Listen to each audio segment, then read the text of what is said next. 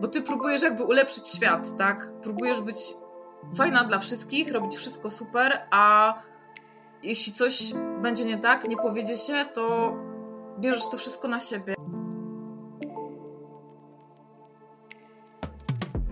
Cześć, nazywam się Ola i mam ADHD.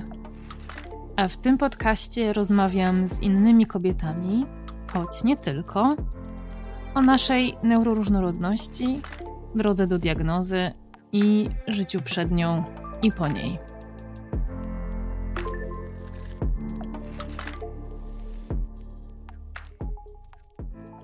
Tak się fajnie składa, że ta dzisiejsza rozmowa jest trochę, trochę kontynuacją rozmowy z zeszłego tygodnia.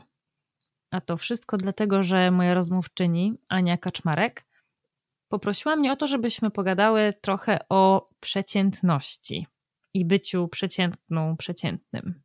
I to się tak pięknie uzupełnia z tą zeszłotygodniową rozmową, której punktem wyjścia było to, że przecież nie każda historia adechadówki czy adechadowca jest historią sukcesu.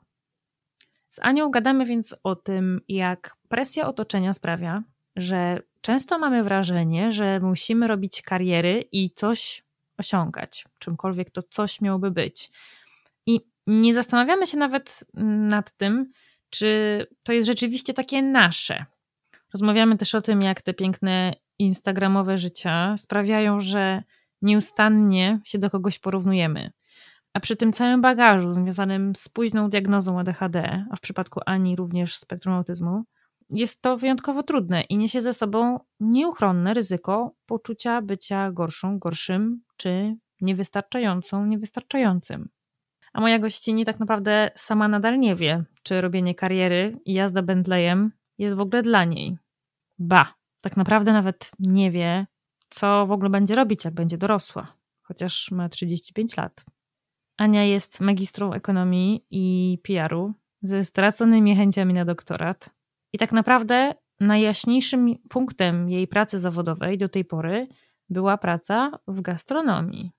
Teraz natomiast zarządza dużym zespołem w sieci handlowej. Ania, jak już wspomniałam, ma ADHD i jest w spektrum autyzmu. Jest też DDA, co wydaje się w ogóle być punktem wspólnym tak wielu osób z naszego pokolenia. Dzięki diagnozom w końcu po latach mogła się poczuć sobą.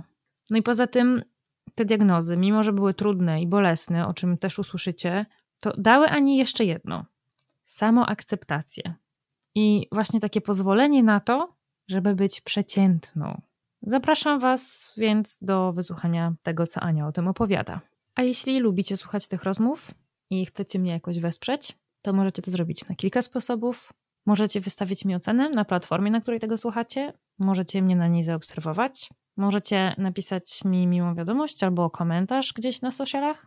Albo możecie postawić mi wirtualną kawę. Link znajdziecie w opisie tego odcinka.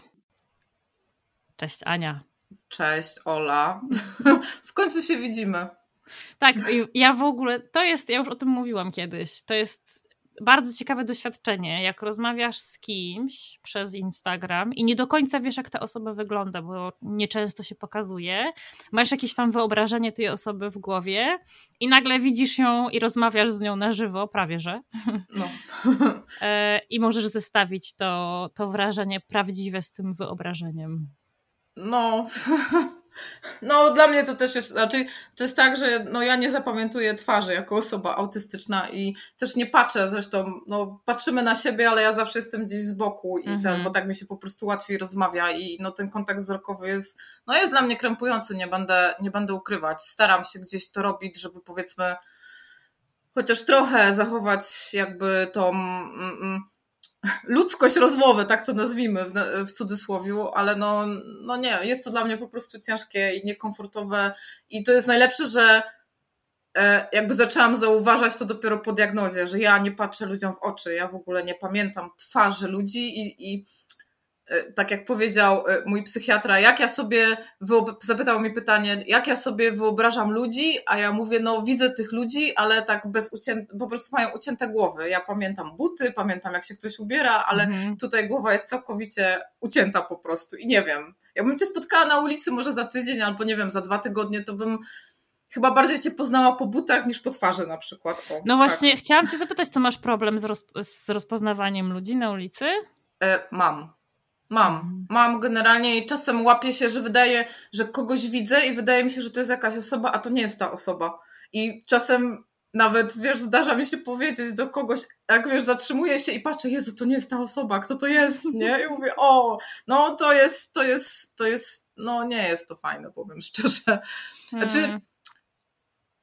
najlepsze jest to, że uświadamiasz to sobie dopiero po diagnozie, bo to było tak, że ja wcześniej nie zdawałam sobie z tego sprawy. Ja w ogóle z wielu rzeczy sobie nie zdawałam sprawy, od tego trzeba zacząć, ale to jakby dopiero diagnoza dała mi jakby narzędzie do tego, żeby widzieć rzeczy, których nie widziałam wcześniej. Okej. Okay. Może tak.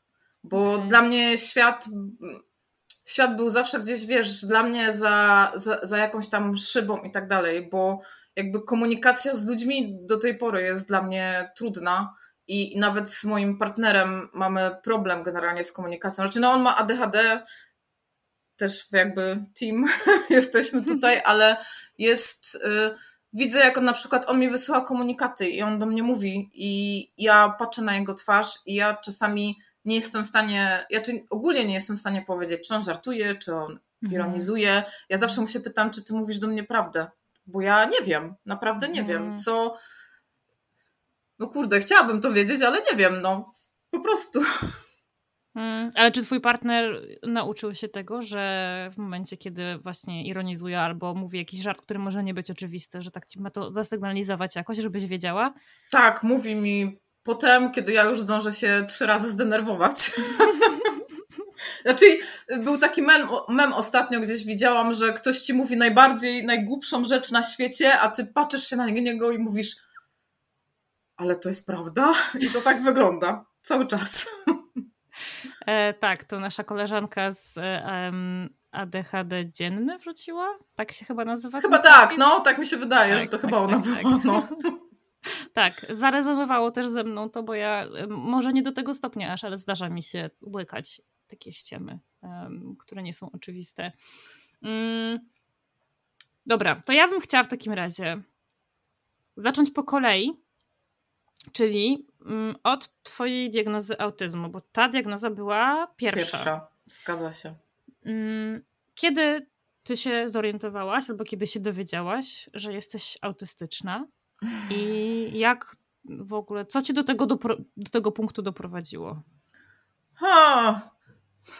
Czy zacznijmy od tego, że ja zawsze byłam dziwnym dzieckiem, bo nigdy, że tak powiem, nie, nie, nie trzymałam się. Znaczy tak, byłam grzeczną dziewczynką, tak, która się uczyła, chodziła do szkoły, która miała problemy, bo ja jestem z rodziny e, DDA, czyli jestem generalnie dorosłym dzieckiem alkoholika. W moim mhm. rodzinie była, był alkoholizm ze strony ojca. I także przemoc i różne inne rzeczy. Później no, wychowywała mnie tylko moja mama. E, I jakby powiedzmy, że tą część życia gdzieś odsunęłam z boku, ale zawsze ja się zawsze czułam samotnie. Ja nigdy nie miałam przyjaciół. Nie wiem dlaczego. Jakby nie mam pojęcia. Do teraz nie potrafię sobie jakby, wiesz, wytłumaczyć dlaczego. Zawsze próbowałam się jakby dostosować do ludzi, z którymi miałam styczność, mhm. ale nigdy mi nie wychodziło, bo ci ludzie gdzieś mnie opuszczali. Nigdy nie było, jakby nie zapraszali mnie też do zabaw w podstawówce. Pamiętam, że, że nikt nie chciał być ze mną na przykład w drużynie nigdy. I, I teraz dopiero wiem, no mam problem z koordynacją ruchową, tak, mam problem z koordynacją ruchową, ale wcześniej tego nie zauważałam. Po prostu jakby próbowałam na siłę się wpasować, co, co, jest, co jest, teraz mogę powiedzieć, że to podejrzewam, że doprowadziło do wielu dramatów w moim, moim życiu. Przede wszystkim do tego też, że byłam uzależniona od narkotyków przez długi czas, jako dziecko właściwie, no jako dziecko, jako nastolatka. Mhm. I e, bo na, za wszelką cenę chciałam jakby należeć do jakiejś grupy, żeby ona mnie po prostu przyjęła, żebym czuła się, wiesz, no żeby moje, znaczy się, żebym czuła się po prostu, że ktoś mnie widzi, tak? Mhm. Bo, bo to było tak, że ja się czułam zawsze niewidzialna. Praktycznie powiedzmy, że przez moją matkę też, bo mnie moja matka mnie nigdy nie widziała, widziała moją siostrę. No tak, to jest, to jest, to jest smutna historia generalnie. Zawsze byłam tym dzieckiem. To, znaczy się, mm, jeśli chodzi o, o DDA i ogólnie dorosłe dziecko alkoholika, wychodzi się jakby. Mm, to jest coś, e, mówi się, o teraz się gubię, oczywiście, zapomniałam, co miałam powiedzieć. E, albo robisz jako dziecko kozła ofiarnego, albo jako bohater rodziny. Ja byłam i bohaterem rodziny, i kozłem ofiarnym. Czyli starałam się robić wszystko, żeby było jak najlepiej, żebym, żeby jak będę jak najbardziej wspomóc moją mamę wtedy w tamtym czasie, ale jakby wszystkie zło, które się działo, było przeze mnie. I to takie, takie powiedzmy dzieciństwo. I gdzieś tam powiedzmy sygnały jakby takie, że, że coś już może być nie tak, jakby z, z, raczej ze mną, no, że, że jestem osobą autystyczną, gdzieś, gdzieś już były, bo po pierwsze bardzo późno zaczęłam mówić. To mi moja mhm. babcia opowiadała, że, że bardzo późno zaczęłam mówić i zawsze wszyscy mówili, że długo nie mówiłam, a później zaczęłam mówić całymi zdaniami na przykład. Mhm. E, były też jeszcze takie, y, co moja mama, pamiętam, wzięła mnie kiedyś do, y, nie wiem jak się nazywa osoba, która bada słuch, ale byłam na takim badaniu słuchu, bo moja mama uważała, że nie słyszę, nie słyszę, co ona do mnie mówi, a to była nieprawda, bo zawsze słyszałam, co do mnie mówi, po prostu się gdzieś wyłączałam.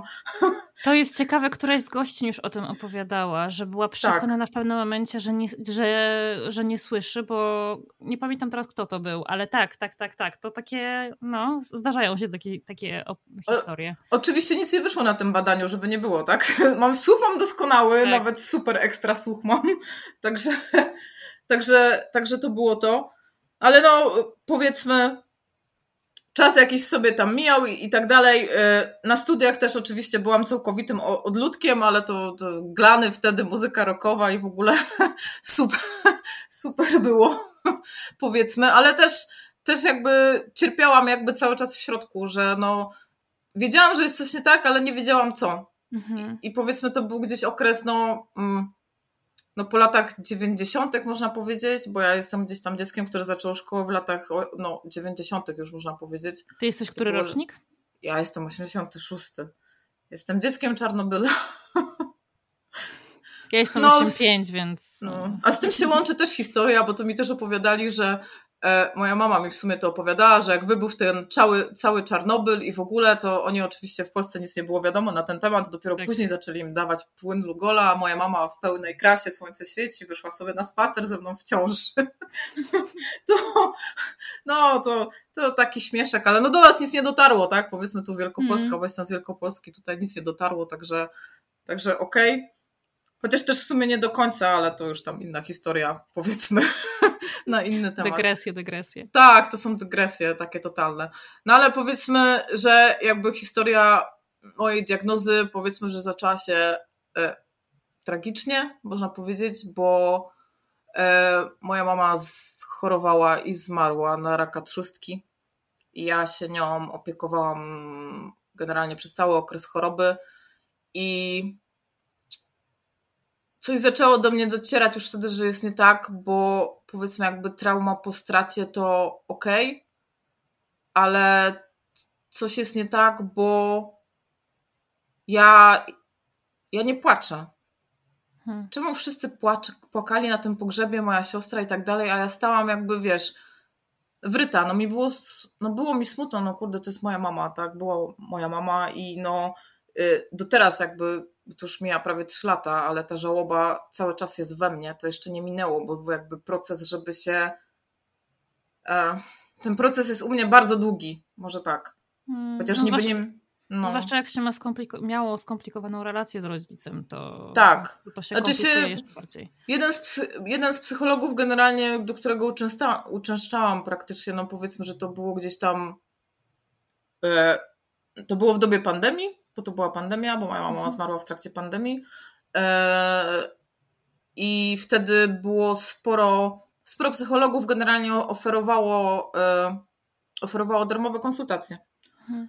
No i ja zapisałam się do jednej z fundacji i, i miałam, miałam tam przez no, dobre pół roku spotkania z, z, z panią psycholog i ona mi powiedziała, że to jest, e, to się nazywa zimna matka, nie? A tu to, co jak się mówiło, zimne matki, to y, przyczyna autyzmu, ale to jakby z, z, zupełnie innego tematu, że, że po prostu y, znowu zapomniałam o czym mówię. No, ale o zimnej dobra. matce. Tak, o zimnej matce, no właśnie. No, ale pójdźmy dalej.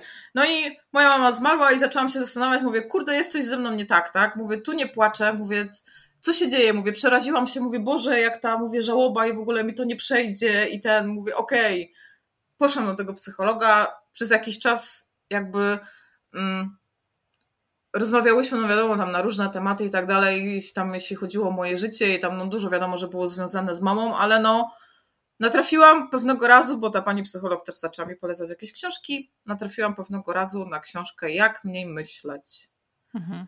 I teraz uwaga, bardzo dużo osób czytało tą książkę i później się zdiagnozowało. W ogóle się okazało, że osoby, y, bo to jest pani Aaron, nie wiem czy kojarzy, raczej to jest, jeśli czytałam dwie książki, bo to jest wysoka wrażliwość, to jest jakby tak. jedna rzecz, która, umówmy się, y, to jest skupisko po prostu wszystkiego, tak? Chociaż tak, później trochę, się, trochę no. nietrafiony koncept, e, ale tak, bardzo, bardzo wiele kobiet po tropie wysokiej wrażliwości trafia ostatecznie gdzieś tam na trop autyzmu albo ADHD. Zgadza się. Później się też okazało, że właśnie osoby, które jakby te dzieci, które tam w tej książce, powiedzmy, na których były zaczerpnięta jakby ta książka na temat zachowań i tak dalej, okazało się, że to są dzieci z autyzmem po prostu.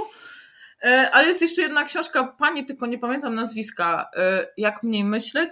Mhm. No i też jest tam bardzo dużo na temat zespołu Aspergera.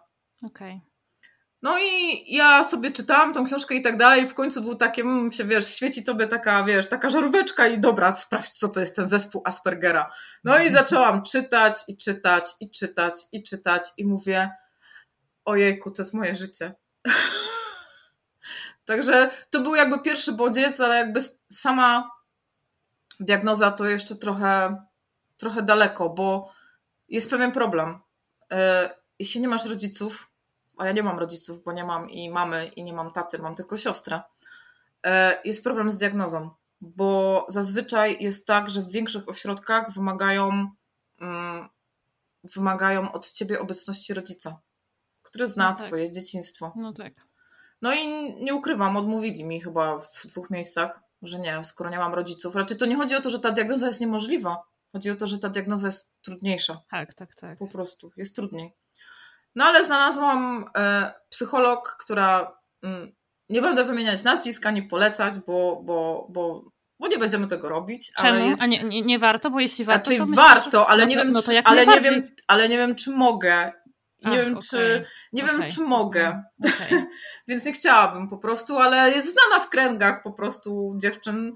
E, e, na, na grupie dziewczyny e, spektrum autyzmu jest znana naprawdę i, i u niej zaczęłam się diagnozować, mój, mój proces diagnozy trwał. Chyba wiem, o kim mówisz. Tak. A czy się też był, a czy się to przejdziemy do tego dalej, bo to już jest ADHD, to, to okay. już później.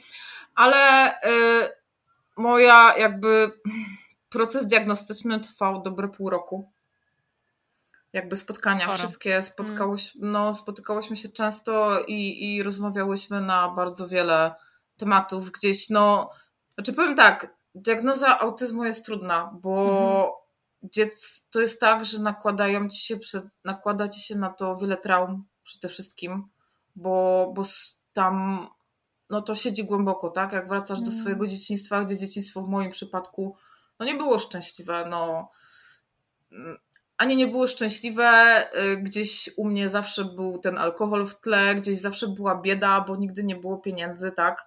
Y, no i jak zaczynasz, wiesz, wchodzić z butami znowu do swojego tego świata, który był kiedyś i o których rzeczach, o których zapom zapomniałaś całkowicie, bo jakby mm. mózg to jest taka, no to jest dysocjacja generalnie, że no mózg tak, jakby hmm. tak, zaciera po prostu rzeczy, hmm. które i wchodzisz w te, wchodzisz jakby znowu w te buty, to nagle no jest ciężko, przeżywasz to po raz kolejny, tak? I to mhm. tu jest następna rzecz, o której mogę też powiedzieć i która w sumie mi się przypomniała, bo to jest rzecz, o której ja zapomniałam jakby całkowicie, co jest dziwne, uwaga, e, ja jako sześcioletnia dziewczynka byłam molestowana seksualnie przez swojego wujka.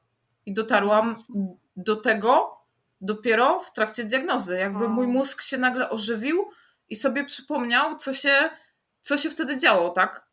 Tylko tu jest mm. też następna cecha jakby osoby autystycznej, która jest my jesteśmy bardzo jakby mm, naiwni, co jest no to no nie jest to przyjemne słowo, tak, że ktoś jest naiwny, tak, ale taka jest prawda, że wierzymy ludziom ponad miarę, szczególnie ludziom, którym ufamy. No tak. I jakby te osoby są dla nas na tyle bezpieczne, że czasem, znaczy czasem, często, o czym powiem później, nie widzimy tego, co może nam się dziać złego. Mhm. I to było w tym przypadku, bo to był mój ulubiony wujek. No ja. I on wykorzystał praktycznie moją naiwność. E, no i właśnie przypomniałam sobie o tym dopiero wtedy. Mhm. I to powiem szczerze, że był dla mnie totalny szok, bo kurde, jak można zapomnieć o takich rzeczach, ale nagle wiesz, wraca do ciebie teraźniejszość mhm. i nagle wiesz, skąd się biorą twoje inne problemy, tak? Skąd jakby kontakty gdzieś tam, powiedzmy, e, e, z, z mężczyznami i w ogóle jakby ca cała reszta gdzieś to kuleje w którychś tam momentach i mhm. no jakby no to jest jedno, ale to też chciałam jakby powiedzieć najbardziej chyba o tym, że proces diagnostyczny to jest naprawdę, jest naprawdę trudny. Zwłaszcza, że on trwa tak długo, wiesz, tak jak w przypadku diagnozy ADHD, to czasami po jednym mhm. spotkaniu jest po sprawie, tam nie ma, nie ma takiego, aż takiego wywlekania, natomiast tak jak opowiadasz, no pół roku, nie? Pół roku takiego mhm. grzebania w przeszłości, to jest strasznie długo i to musi być strasznie trudne. Jest trudne, tylko że ja zawsze, to jest tak, że ja zawsze swoje zasługi gdzieś umniejszam, bo zawsze słyszę, że dużo zrobiłaś, że to jest bardzo ciężkie i że super, że dałaś radę, bo to też jest twoja, to jest tak. jakby od ciebie też idzie, że ty chcesz i że to jest, i że dajesz radę, bo nie wszyscy dają radę, tak? Bo, Absolutnie. Bo no, można naprawdę popaść no, w ciężką depresję, tak? Mhm. Przypominając mhm. sobie rzeczy, które, które były kiedyś, no bo umówmy się, no nie zawsze jest tak, że mm, jakby rodzice mają raz na to środki, dwa, że to widzą, tak? Bo ja jestem stuprocentowo pewna, że moja matka była też osobą autystyczną. Mhm. I też miała nawet zdiagnozowaną schizofrenię, gdzie tej schizofrenii w ogóle nie miała, a twierdzili tak, bo nie wiem, mhm. gdzieś słów zapominała, ale jakby miała sobie przypomnieć po prostu to, co ona robiła, jak, gdzie ona chodziła, jakimi ścieżkami chodziła, jak się denerwowała, kiedy coś nie było tak, jak ona chciała. Ja robię tak samo, jestem taką mhm. samą osobą. No to i mam stuprocentową pewność, że, że na pewno. No, Moja siostra. No. Zwłaszcza biorąc pod uwagę stopień dziedziczności autyzmu i ADHD, no jakby nie ma, nie ma co się okłamywać, od kogoś to dostałaś, tak? Tak, i tu jest teraz jeszcze jedna rzecz, która to też jakby dygresja jakby w ciągu tej drogi do, do diagnozy. E, ostatnio moja siostra e, m, mm, znalazła swoje stare dokumenty. Z poradni psychologicznej, do której też ja chodziłam, ale już jestem za stara, nie ma moich dokumentów, nie mogłam ich wyciągnąć, ale moja siostra je znalazła i w 2006 roku miała napisane ADHD, nie twierdząc, że to jest ADHD. Miała zespół nadpodobliwości e, e, ruchowe i tam nieuwagi i tak dalej, nie wiem jak to się pisze do końca, ale miała to napisane, ale nikt, kurde, 2006 rok, nikt nie napisał, że ona ma ADHD. Mhm. To co, u dziewczynek wtedy nie istniało ADHD? Nie, wtedy jeszcze nie istniało. O, jak to zobaczyłam, to mówię, to już, znaczy jak zobaczyłam, to jakby była, wiesz, już pewność, nie? Stuprocentowa, nie? Bo to mhm. gdzieś cały czas syndrom oszusta gdzieś tam się, że tak powiem, tak. jest cały czas i chodzi sobie tam za moimi plecami, mnie tak stuka, o, no może nie, może to jednak nie ty, to nieprawda, sobie nakłamałaś tam. No, ale okej, okay, jest ten, ten proces, wrócimy do procesu diagnozy, tak.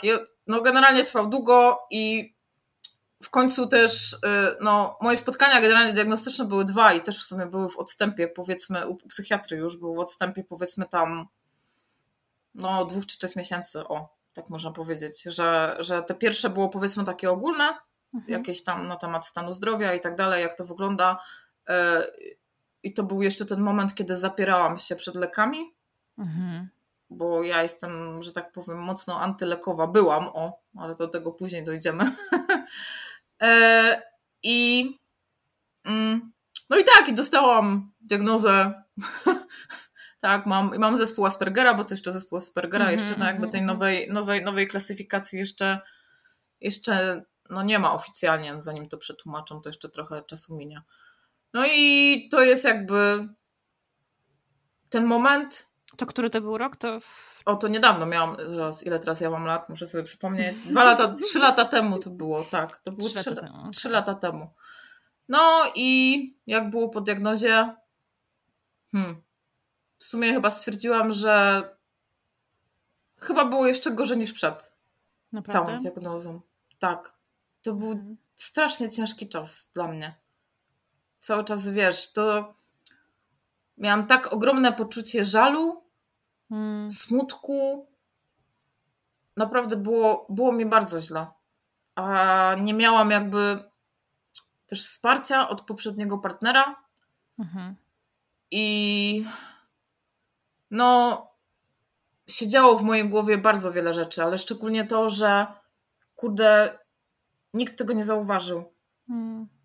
To było dla mnie, wiesz, najgorsze, że nikt tego po prostu nie widział. Jakby no, jest, zawsze sobie tłumaczę to przez to, że a, bo były takie czasy, że to lata gdzieś tam 90., że, że jakby super, że się wiesz, że się gdzieś tam, że po prostu byłaś grzeczna i miła, gdzieś tam powiedzmy w podstawówce, a, a no ale czy to był jakiś, nie wiem, wyznacznik tego, że mogło być rzeczywiście inaczej? No ja miałam potworne problemy z nauką na przykład, tak? I no, ja miałam problemy z czytaniem, do teraz mam problemy z pisaniem i, i tak dalej, bo mam dysleksję, która gdzieś tam była też zdiagnozowana, mhm. w którym gdzieś tam nawet nie pamiętam kiedy i no starałam się jak mogłam. Właśnie to jest to, że ja się starałam jak mogłam i próbowałam za wszelką cenę udowodnić, że, e, że jakby jestem na poziomie dzieciaków, którym to przychodzi łatwiej. Mhm. O, może tak. E, no i tak, i to jest, to jest chyba ten proces tej takiej żałoby, tak mi się wydaje, tak, że, tak. że to jest żałoba, żałoba jakby po diagnozie, po tym, co miało się stać, czego, czego nie było, co by mogło być, co by było lepiej i no myślę, że wiele osób generalnie to przechodzi, bo no bo, no bo tak, tak, masz 34 lata i nagle się okazuje, że twoje życie jest y, takie, jakie jest, mogłoby być lepsze, gdybyś miała gdzieś wsparcie, hmm. tak, jakiekolwiek, albo ktoś by ci wytłumaczył, że to jest tak, a nie inaczej, a to jest takie ślizgania się po prostu cały czas, wiesz, gdzieś po życiu i po ludziach, których gdzieś, którzy są, odchodzą, ty się zastanawiasz, co jest nie tak, bo zazwyczaj jest tak, raczej zazwyczaj, często jest tak, że mm, bierzemy wszystko na siebie. I ADHD-owcy, i myślę, że osoby autystyczne też tak robią, się. że biorą wszystko na siebie, że ty jesteś wszystkiemu winien, tak? Mhm. Że cała sytuacja, która się dzieje, jakby całe twoje życie jest za, jest, jest, jest twoją winą. Jakby. I to jest, to jest najgorsze poczucie, jakie może być, tak? Bo, bo ty próbujesz jakby ulepszyć świat, tak? Próbujesz być fajna dla wszystkich, robić wszystko super, a jeśli coś będzie nie tak, nie powiedzie się, to bierzesz to wszystko na siebie, jakby, mhm. wiesz, całe barki, jakby całe zło tego świata było, wiesz, na twoich plecach i próbujesz, wiesz, niesiesz ten plecak i sobie myślisz, że możesz wziąć jeszcze więcej, a tak nie jest, no. No nie da się, po prostu się nie da wziąć aż tyle, o. Może tak. Po pierwsze w tym plecaku się nie pomieści, a po drugie, no umówmy się, że taki plecak jest cholernie ciężki. Jest, zgodzę się. No i co teraz dalej z diagnozą ADHD? To było tak, że hmm, czegoś mi tu brakuje, bo to chyba nie jest do końca tak, że to, to jest tylko jedna rzecz, bo e, spoko, mam swoje, raczej się przy ADHD jest hiperfokusy, a przy, przy, mm, e, przy, przy autyzmie są te dłuższe, zapomniałam słowa teraz, e, e, te dłuższe fiksacje na jakichś tam rzeczach, ale to no, u mnie to jest tak, że jedna długa pasja, bo teraz uwaga, ja przez 15 lat pracowałam w gastronomii. Byłam bardzo zakręcona na tym punkcie. Mhm. Też było mi cholernie ciężko, bo, bo jako kobieta w gastronomii pracująca między facetami, to musisz robić 10 razy więcej, starać się jeszcze bardziej i tak dalej. Poza tym to jest bardzo toksyczne środowisko, więc... A, to właśnie nie powiem, bo ja, to byli moi ludzie, to byli... Okej, okay, dobrze trafiłaś w takim Faceci, razie. tak, zazwyczaj trafiłam dobrze, no miałam tam powiedzmy parę miejsc, w których no nie było za ciekawie, ale no powiedzmy, że 80% było na tak i spotkałam naprawdę wspaniałych ludzi, którzy... E, cenili swoją pracę i okay. uważali ją za największą pasję. Mhm. I między takich ludzi trafiłam. Mhm. I bardzo to sobie cenię, ogólnie ten okres w życiu, bo wiele się nauczyłam. Nauczyłam się, e, nauczyłam się e, jakby panowania nad różnymi sytuacjami. O, mhm. może tak. To, no, była... to, to zdecydowanie można się tego nauczyć. A czym się dokładnie zajmowałaś, Ania? E, ja e, ogólnie pracowałam na kuchni jako kucharz. Mhm, mhm. Ale później no, gdzieś tam doszły mi stanowiska jakby zarządzania i restauracją i, i jakby zajmowania się kosztami i, i, różnymi rzeczami innymi. Cholernie trudna sprawa. E, tak, to prawda, zgodzę się, ale to ja to, to, to jest tak, że ja nadal jakby kocham to całym swoim sercem i ja uwielbiam gotować, a dla osoby, która ma wybiórczości pokarmowe, no tak. To jest ekstra, naprawdę, bo potrafisz, na, nauczysz się robić z niczego coś, mhm. co jest, co jest przydatną, co jest przydatną umiejętnością, może tak. Co prawda każą ci próbować rzeczy, których nie chcesz próbować. No właśnie. Ale powiedzmy, że gdzieś to omijałam. Jestem, powiedzmy, jestem na tyle sprytna, że dałam radę gdzieś to omijać niektóre rzeczy. Ale powiem tak, wspominam to bardzo dobrze i to była też na jakby raz, że to moja pasja, bo kocham książki kucharskie ogólnie, stare książki kucharskie i mam ich pełno i uwielbiam kolekcjonować te takie stare, które jeszcze, wiesz, pachną takim starym drukiem i tymi starymi mhm. stronami. To jest, to jest, to jest też gdzieś tam moja, mój hiperfokus jakiś. I e, i co chciałam powiedzieć? Znowu zapomniałam. No tak. powiedzieć? My w ogóle rozmawiamy cały czas o diagnozie ADHD. Tak, tak, łe, właśnie, no. I właśnie, i mówię sobie, okej, okay, po tym wszystkim, że mam gdzieś łapy hiperfokus, no tak, no, słuchaj, nauczyłam się sama gdzieś tatuować, tak? Wow. Cały sprzęt, ale to już przestało być moją pasją. Nauczyłam się rysować gdzieś tam, też już to nie jest moja pasja. I mówię, kurde, coś jest nie tak. Mówię, czemu ja jestem taka zawsze ruchliwa, zawsze jest mnie wszędzie pełno, ja uwielbiam chodzić, nie lubię siedzieć w jednym miejscu, tak, ja bym mm. robiła milion rzeczy naraz, tak, tu rób to, tu rób tamto, tu gdzieś idę, ale zapomnę, ale dobra, idziemy dalej, ogarniam bardzo wiele rzeczy, tutaj sobie w koło, no i mówię, no dobra, na pewno musi coś być. Zaczęłam oglądać filmiki, zaczęłam gdzieś chyba też słuchać po drodze Twojego podcastu. Mi się wydaje, że on chyba gdzieś już. A tak, zaczęłam słuchać Twojego podcastu. Na samym początku te pierwsze początkowe odcinki mm. i kobiet, które też właśnie w wieku dorosłym y, okazało się, że mają ADHD. I mówię, na pewno jest coś na rzeczy, bo nie, nie wydaje mi się, żeby nie było, że nie jest. No i zdiagnozowałam się u, u pani psycholog, która też była u ciebie w podcaście. No i okazało się, że tak, że to jest ADHD. Robiłam też test MOXO, którego nie zdałam, absolutnie.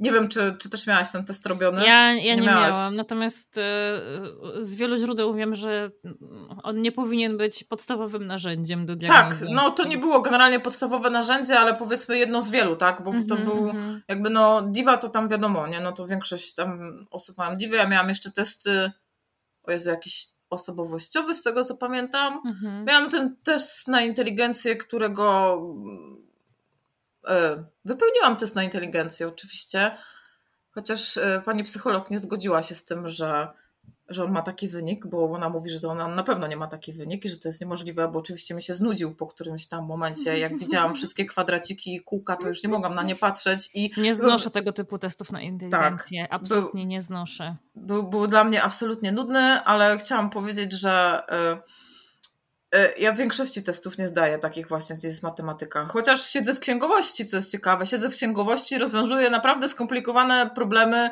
matematyczne, ale jeśli chodzi jakby testy jakieś takie matematyczne, to mi nie wychodzą całkowicie, nie wiem dlaczego. To ciekawe. Znaczy, mhm. ja umiem analizować, ja bardzo dobrze jakby kojarzę fakty i bardzo mhm. jakby dobrze jestem w stanie, wiesz, y, połączyć jedno z drugim i może dlatego gdzieś ta, powiedzmy, logika i, mhm. i gdzieś powiedzmy ta, ta księgowość czy te liczby nie są, nie są mi straszne, ale gdyby ktoś mi kazał, nie wiem, policzyć, nie wiem, całki albo coś takiego, to nie, nie, nie, nie, nie, nie. Także no i co z tą diagnozą?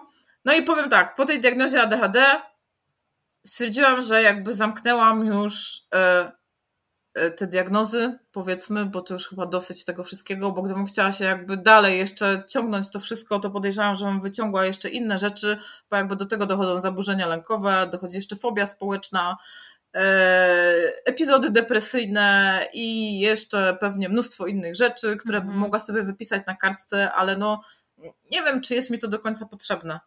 jakby wyczerpałam już chyba w swoim życiu y, możliwości diagnoz i chyba to mi starczy. I na razie to, to zakończę, bo, bo gdzieś to rzeczywiście, gdzieś to jest męczące. I, I to męczy rzeczywiście jakby rozdrypywanie przyszłości. Może. Znajdzie się taki moment, kiedy będę chciała, wiesz, jeszcze wracać do tego, bo pewnie tak będzie. Ale no, na tą chwilę stwierdziłam, że muszę sobie dać spokój, żeby troszkę jakby odrzeć, odżyć. O, może tak. Mhm. A jak ci było po diagnozie ADHD? Czy było ci z tym trochę łatwiej niż po diagnozie autyzmu?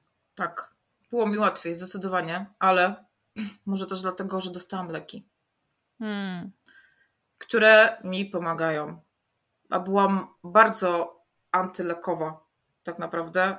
I jak biorę teraz Medikinect, to powiem szczerze, że naprawdę y, jest dużo lepiej, ale też dlatego, że on mnie bardzo wycisza. Bo mhm. każdego jakby działa inaczej. Tak. Na mnie działa tak, że ucisza ten mój motorek, taki, który mam, tak? Ja się uczę odpoczywać, jak biorę Medikinect. Super. Co jest absolutnie, jeśli chodzi o mnie, to jest absolutna nowość w moim życiu. Mm-hmm. że możesz się położyć i leżeć. Osta- mi temat. Jezu, trzy godziny jazdy pociągiem. Wcześniej nie byłam w stanie usiedzieć nawet pół godziny było dla mnie dramatem, ale jadąc na lekach w pociągu, wow, mogę siedzieć trzy godziny i nie wstaję, nawet się nie wiercę, więc to naprawdę super.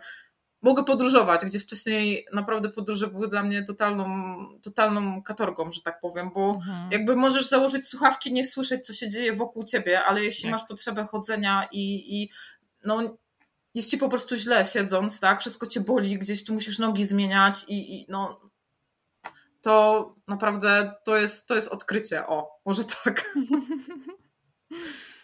Ania, a jak jest z tym, bo ty wspomniałaś o tym, że wiele rzeczy zrozumiałaś dopiero po diagnozie. Tak jak mówiłaś o tym, o tym kontakcie wzrokowym i dopiero, dopiero, że po, dopiero po diagnozie zrozumiałaś, że miałaś z tym całe życie problem. Były jakieś inne tego typu kwestie, które do ciebie dotarły tak naprawdę dopiero kiedy już tę diagnozę dostałaś? dotarły do mnie przede wszystkim e, przeciążenia sensoryczne, mhm. o których m, powiem tak, ja były różne rzeczy, które ja na przykład robiłam i ludzie się z tego śmiali, bo ja y, uwielbiam jakby, wiesz, dotykać przedmiotów gdzieś, nie? Gdzieś tam sobie tu wiercę, tak? Tutaj gdzieś włosy sobie robię, tutaj rękami na przykład, o widzę kwiaty, to wiesz, ja po prostu lecę, oglądam te kwiaty, wącham i w ogóle, no sensoryka super i dla...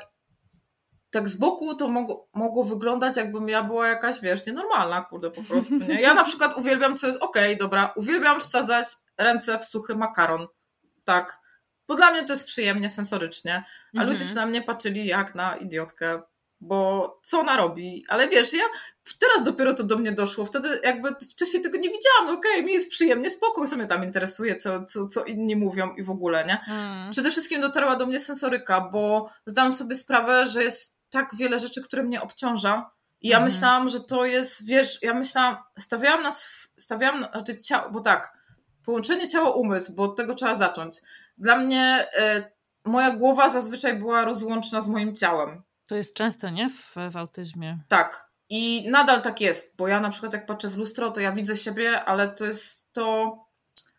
Ja wiem, że to jestem ja, mhm. ale to tak. Ja bardziej widzę swoją głowę niż swoje ciało. Może tak. I te bodźce, które docierały do mnie z zewnątrz, tak? Czyli na przykład tak, za duże światło, przypuśćmy, za duży hałas, y, jakby y, na przykład centra handlowe, o Jezu, to jest dramat ogólnie, centra handlowe, jakieś zapachy, które, które gdzieś mi przeszkadzały.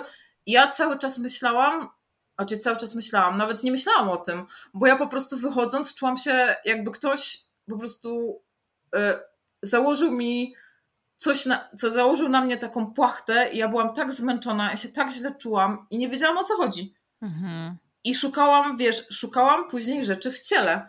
I tak, choroby, tak, o Jezu, to tutaj, znaczy nie jestem hipo, hipochondryczką, ale naprawdę uwierz, że ja już tyle chorób prze, jakby przeanalizowałam, że jestem naprawdę, y, że tak powiem, ekspertem, jeśli chodzi o choroby tarczycy i Hashimoto i różne mhm. inne rzeczy, naczytałam się tego mnóstwo, Ale nie, nie mam chorej tarczycy.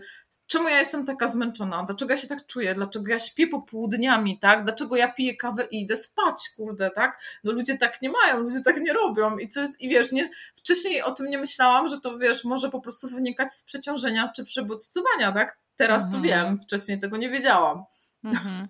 A u ciebie jest większy problem z przebodźcowaniem czy z niedobodźcowaniem? Czy to zależy? E, wiesz co, bardziej, o Jezu, to chyba to zależy, bo mhm. ja potrzebuję generalnie docisku i to mhm. jest e, czucie głębokie, tak? To jest coś tak. z czuciem głębokiem. Potrzebuję docisku i dla mnie też jakby, wiesz, taki lekki dotyk na przykład, jak ktoś mnie tak lekko dotknie, to jest, no, okropne. Nie, nie lubię tego i w żadnym nawet, że tak powiem, w sferze seksualnej to nie jest dla mnie nic dobrego. Mm -hmm, Także nie i, i wiem, że ja na przykład, o teraz to taki przykład z dzieciństwa, ja na przykład jak byłam, chodziłam mm, do szkoły i w piątki zazwyczaj mieliśmy mało lekcji. To ja w piątki y, brałam, no normalnie się bierze mniej książek, a ja w piątki uwierz, że ładowałam sobie na full plecak z książkami, słuchaj, nawet na dwa dni na następne, żeby po prostu się dociążyć, bo ja jak nie czułam wow. plecaka na plecach, to czułam, że jest coś nie tak. Ja po prostu musiałam mieć ciężki plecak. O, i tyle. Ciekawe. No, ale to widzisz, to są takie rzeczy, które jakby odkrywasz dopiero po jakimś czasie, tak? Że tak, to nie tak, jest tak. tak. Na przykład wybiórczości pokarmowe. Jako mhm. dziecko, na przykład ja miałam jako dzieciak, na przykład ja w ogóle nie jadłam mięsa, bo nie chciałam go jeść. Nie mhm. chodziło o smak, tylko chodziło o strukturę mięsa. Mhm. O, i ja na przykład o tym nie wiedziałam, że, że to może być tak. Ja, no, teraz powiedzmy, to są fale, tak? Tam wiem, co, co, co powiedzmy, mam ochotę na to, ale no, bardziej na przykład lubię płynne i takie, wiesz, stosowate struktury, tak? Jak mam coś gryźć, na przykład owoce, to o Jezu, ja na przykład, no ja na przykład w ogóle nie jem owoców i warzyw, nie wiem jak ty masz, ale ja na przykład mam, raczej jem, ale staram się jeść w sosach, ale wolę na przykład y, zjeść, nie wiem, raczej wypić mus na przykład jabłkowy, niż pogryźć jabłko. To ciekawe, no. Ja widzisz, ja jestem weganką, więc moja dieta o, się opiera na warzywach i owocach, więc gdybym ja miała taki problem, to byłby... Próbowałam przez tydzień, nie wyszło. No jak się, jak się ma problem z jedzeniem e, warzyw i owoców w takiej stałej formie, to jest to odrobinę problematyczne przy weganizmie, to prawda. Jest, no i na, naprawdę chciałam, bo to nie chodzi o to, że, że ja bym nie chciała i jakby mm, roz, chciałabym w taki sposób jakby żyć, ale no w mojej kwestii no, no, no nie da się, po prostu się nie da, bo też wydaje mi się, że gdzieś u mnie jest tak, że zapotrzebowanie kaloryczne jest chyba mniejsze. Mam takie wrażenie, mhm. jeśli jest, jestem na owocach i, i, i na, powiedzmy na warzywach i wydaje mi się, że gdzieś ta moja energia po prostu za bardzo mi spada, bo mhm. ja też gdzieś tam mam problemy y, cukrowe, mam, mam za niski cukier i muszę jeść często, no w moim wypadku i w mojej pracy no nie zawsze się da, i to jest tak, że po prostu chyba za mały bilans kaloryczny. A mhm. dodatkowo mm, mam alergię na gluten, czyli nie mogę jeść. Oj, oj. E, tak, niestety. Moja siostra też, więc jesteśmy rodzinnie powiązane, więc no tutaj to stwarza też dość duże problemy. Ale no, wracając, co tam jeszcze? Z tych rzeczy, które, za, które, e, które jeszcze zauważyłam, a nie widziałam wcześniej, e, przede wszystkim problem z rozumieniem komunikatów z ludźmi. Tego, mhm. o Jezu, to, do, no powiem szczerze, no do teraz mam problem, ale nie potrafię, nie potrafię się do tego zabrać, żeby tak, wiesz, jakby czytać o jakiejś takiej komunikacji, tych werbalnych sygnałach i w ogóle, bo powiem Ci szczerze, to nie jest super ekstra cecha mojej, znaczy nie, to nie są, nie, nie zależy to do kręgu moich zainteresowań, tak? Mhm. I może kiedyś, że tak powiem, tu ruszę i, i będę w stanie na tyle, żeby, żeby coś z tym zrobić, ale na razie powiedzmy jest jak jest i niech będzie jak będzie. I tak samo, hmm, to tak samo też wygląda moja praca, że ja na przykład w pracy bardzo mocno komunikuję się z ludźmi, ale tylko na zasadzie, y, że to ma być tak, albo proszę, żebyś zrobiła to, albo żeby to wyglądało tak. I tu jakby życie, jakby te kontakty takie, co są mm, powiedzmy społeczne między ludźmi, nie są dla mnie interesujące, a są dla mnie przeciążające. Mhm. A czujesz, że to stwarza jakieś problemy w pracy w związku z tym, czy, czy wręcz przeciwnie? E, wiesz co, no ja sta, no, pracuję na stanowisku menedżerskim generalnie, kierowniczym, więc no e, lepiej, żeby było tak, niż żeby się zagłębiać w jakieś kontakty takie głębsze. No nie powiem, no znam historię ludzi, no bo ludzie do mnie przychodzą i mam jakąś taką magiczną zdolność, że po prostu pchają się do mnie ludzie, znaczy pchają, no brzydko, no brzydko powiedziałam, ale pchają się do mnie ludzie, którzy e, mają problemy.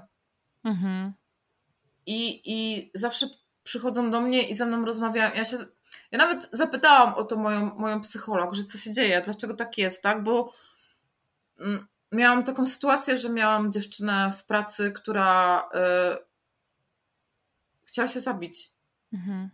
I mówiła mi o tym. Ta dziewczyna była naprawdę w ciężkiej depresji. Tylko mm, ja chciałam jej pomóc, ale to jest tak, że oczywiście znowu bierzesz na siebie całe zło świata, tak? Hmm. I zaczęło mnie to tak męczyć i przeciążać, że ja y, po prostu no, w pewnym momencie musiałam jakby, wiesz, postawić granicę.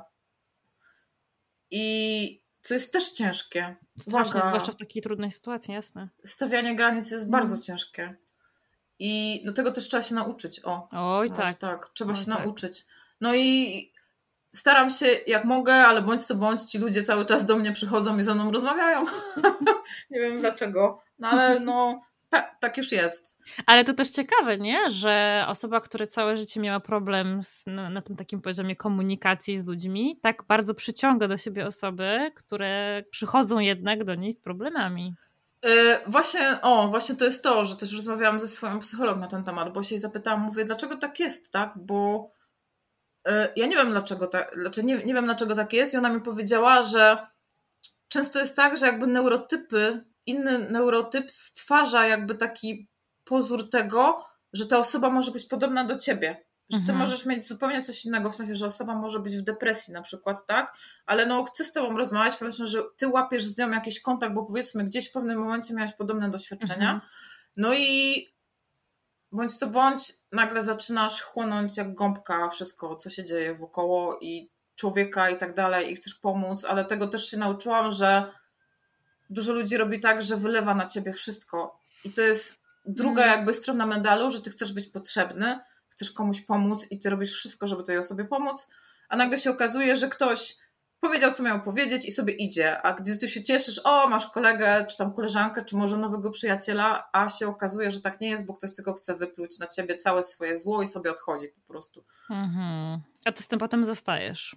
A ty zostajesz, tak, oczywiście, z całym, z całym bagażem, tak, i z całym i ty myślisz o tym, tak? Bo to jest jakby mhm. taka domena rozkminiania tego wszystkiego, że ty zaczynasz rozkminiać czyjeś życie, a jakby tak. swoje zostawiasz gdzieś z boku, mimo tego, że masz swoje problemy i nagle się okazuje, że, że nosisz jakby nosisz problem kogoś, a nie swój. O. Hmm. Tak to wygląda. Hmm. Hmm.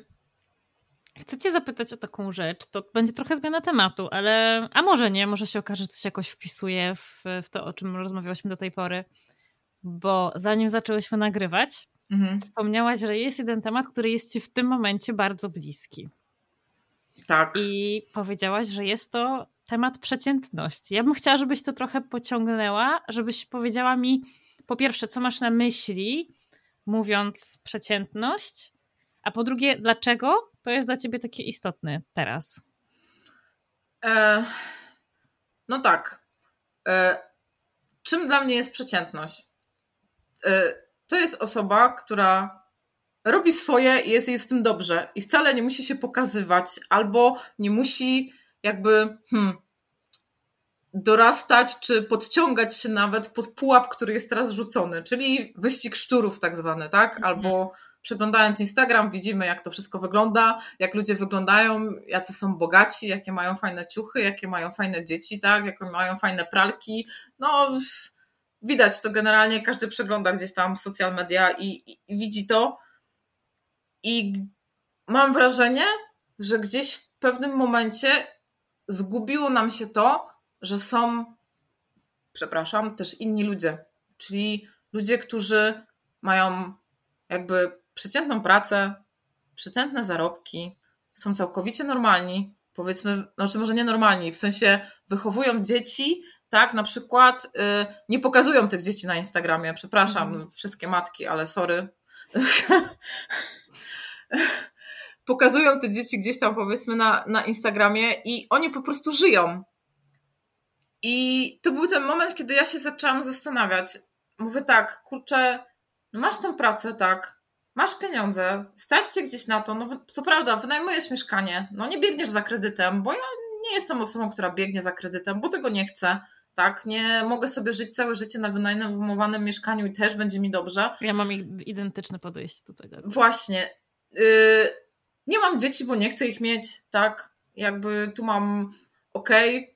Też przebijam piątkę? No, bo nie chcę ich mieć i tyle, bo no tak, okej, okay, zakończmy ten temat, bo to już nie będziemy go rozwijać. To jest, oj, to jest temat rzeka, na osobny to jest, odcinek. To jest temat rzeka i tak naprawdę powiedzmy, że to jest ten moment w życiu, kiedy osiągnęłam powiedzmy stabilność finansową, powiedzmy, że gdzieś taką stabilność psychiczną, można powiedzieć, bo nie ma jakby rzeczy, które gdzieś tam mnie rozpraszają albo za, no, zaprzątają mi głowę, tak. Y, I zaczęłam się zastanawiać, czy to jest złe, że mhm. można być po prostu. E, nikim to jest za mocne słowo. Nie, ja wiem o co ci chodzi. Czy, mhm. czy, e, popraw mnie, jeśli się mylę. Mam wrażenie, że ty chcesz powiedzieć, że to nie jest złe nie chcieć dążyć do tego, żeby mieć więcej, albo do jakiejś takiej doskonałości. Tak, właśnie. Tylko tu jest problem i tu się wcina ADHD, że chcesz robić więcej. Tak. Bo ADHD jest takie, że chcesz, kurde, za wszelką cenę zrobić tyle rzeczy i byś chciała zmienić świat i byś chciała, żeby było super, tak? Że no gdzieś pomagać wszystkim, jak tylko możesz i, i ten, ale no powiem ci, właśnie ostatnio tak usiadłam i mówię, kurde, masz takie spokojne życie, a ty za wszelką cenę próbujesz jakby dać sobie coś, co może nie, nie do końca tobie leży tak naprawdę. Mhm. Powiedzmy, że nie wiem, no może nie sława, bo sława to też to nie można powiedzieć, że jakiś nawet nie rozgłos, tylko po prostu widzisz siebie, bo to jest tak, że widzisz siebie po prostu w korporacyjnym ubraniu na dziesiątym piętrze jako pani prezes jakiejś kurde wielkiej korporacji, tak? I że, i że co robisz? Jeździsz super Bentleyem, tak? Masz super znajomych, yy, kurczę, którzy wyglądają jak, nie wiem, milion dolarów, tak? I i tak sobie, i za, tak sobie siedzę i myślę, kurde, ja nie chcę być tą panią prezes, tak? Nie założę tych szpilek, nie założę, nie założę tej garsonki, bo po prostu będzie mnie gryzła, a kurczę w rajstopach nienawidzę Dokładnie. chodzić, a no obcasów też nie założę, tak, bo po prostu nie.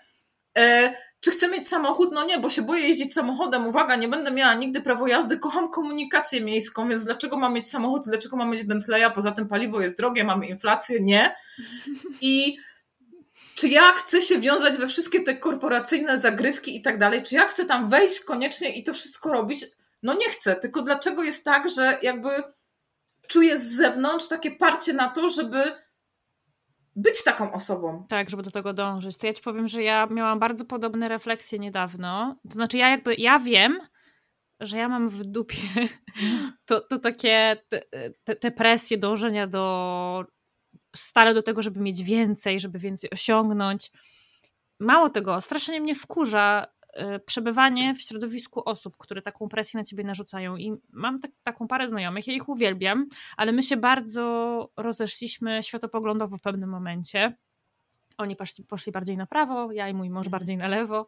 Um, I niedawno ona zmieniła pracę i opowiadała o tym, że no praca sama w sobie jest ok, natomiast ona jest otoczona w tej pracy takimi kobietami, które w ogóle nie mają ambicji. W ogóle nie mają ambicji do tego, żeby robić kariery. One po prostu chcą odwalić tę swoją robotę w pracy i wrócić do tych swoich um, przeciętnych żyć. Dawno mnie nic tak nie rozsierdziło, jak to sposób, w jaki ona o tym opowiadała, bo ona o, o tych kobietach mówiła z taką wyższością, bo ona jest tą osobą, dla której kariera jest taka istotna, i to jest jedyna możliwa opcja. Jeżeli, mhm. jeżeli nie jesteś karierowiczką, jeżeli nie, ma, nie masz ambicji, to jesteś kimś gorszym, jakimś, jakimś podgatunkiem człowieka. Wiesz co, y, powiem ci tak, że ja to widzę w taki sposób, raczej ogólnie to już powiedziałaś, to, to już mnie też zaczęło trochę część z tego powodu, że ktoś w ogóle mógł coś takiego powiedzieć, mm -hmm, bo mhm, to jest mm -hmm. straszne ale ja mam czasem wrażenie, że to, to jest zasłona. I to jest taka zasłona, to jest takie szkło, które mm, pokazuje jakby ciebie, bo stoisz jakby przed tym lustrem, przed tym szkłem i widzisz siebie, że wyglądasz super idealnie, a z tyłu, za sobą masz problemy. Mhm. I czasem mi się wydaje, że, że jakby to kariera i to pięcie się gdzieś tam do przodu, powiedzmy ambicje, jakby chowają wszystko, co jest gdzieś z tyłu. Bo powiedzmy, że znaczy się, moja siostra ma taką koleżankę, powiedzmy przyjaciółkę, której życie właśnie tak wygląda, że ona super bizneswoman, a tak naprawdę ona ma bardzo poważne problemy ze swoim mhm. partnerem, e, e, jakby tu też się wkrada gdzieś alkoholizm i tak dalej. I to jest. I właśnie się zastanawiam, czy to nie jest tak, że za wszelką cenę próbujemy pokazać, jacy my jesteśmy super, tak? I czego my nie robimy, tak? Jak, jak nie wiem, jak nie wyglądamy i ale gdzieś moim zdaniem to jest takie zagubienie własnej tożsamości, tak mi się mm. wydaje. Bo kim jesteś, jak opadnie to wszystko? Tak. Kim to jesteś? to jest dobre pytanie. Ja powiem ci, że ja nie oceniam osób, dla których ważne jest robienie kariery, bo ja rozumiem, tak, że tak może no. być. To nie jestem ja, to nie jest mój świat. Był taki moment, że mhm. miałam taką, taką, taką chwilę, że ta presja do mnie dotarła tak. i y, próbowałam brać udział w tym wyścigu szczurów. Natomiast ja nie oceniam.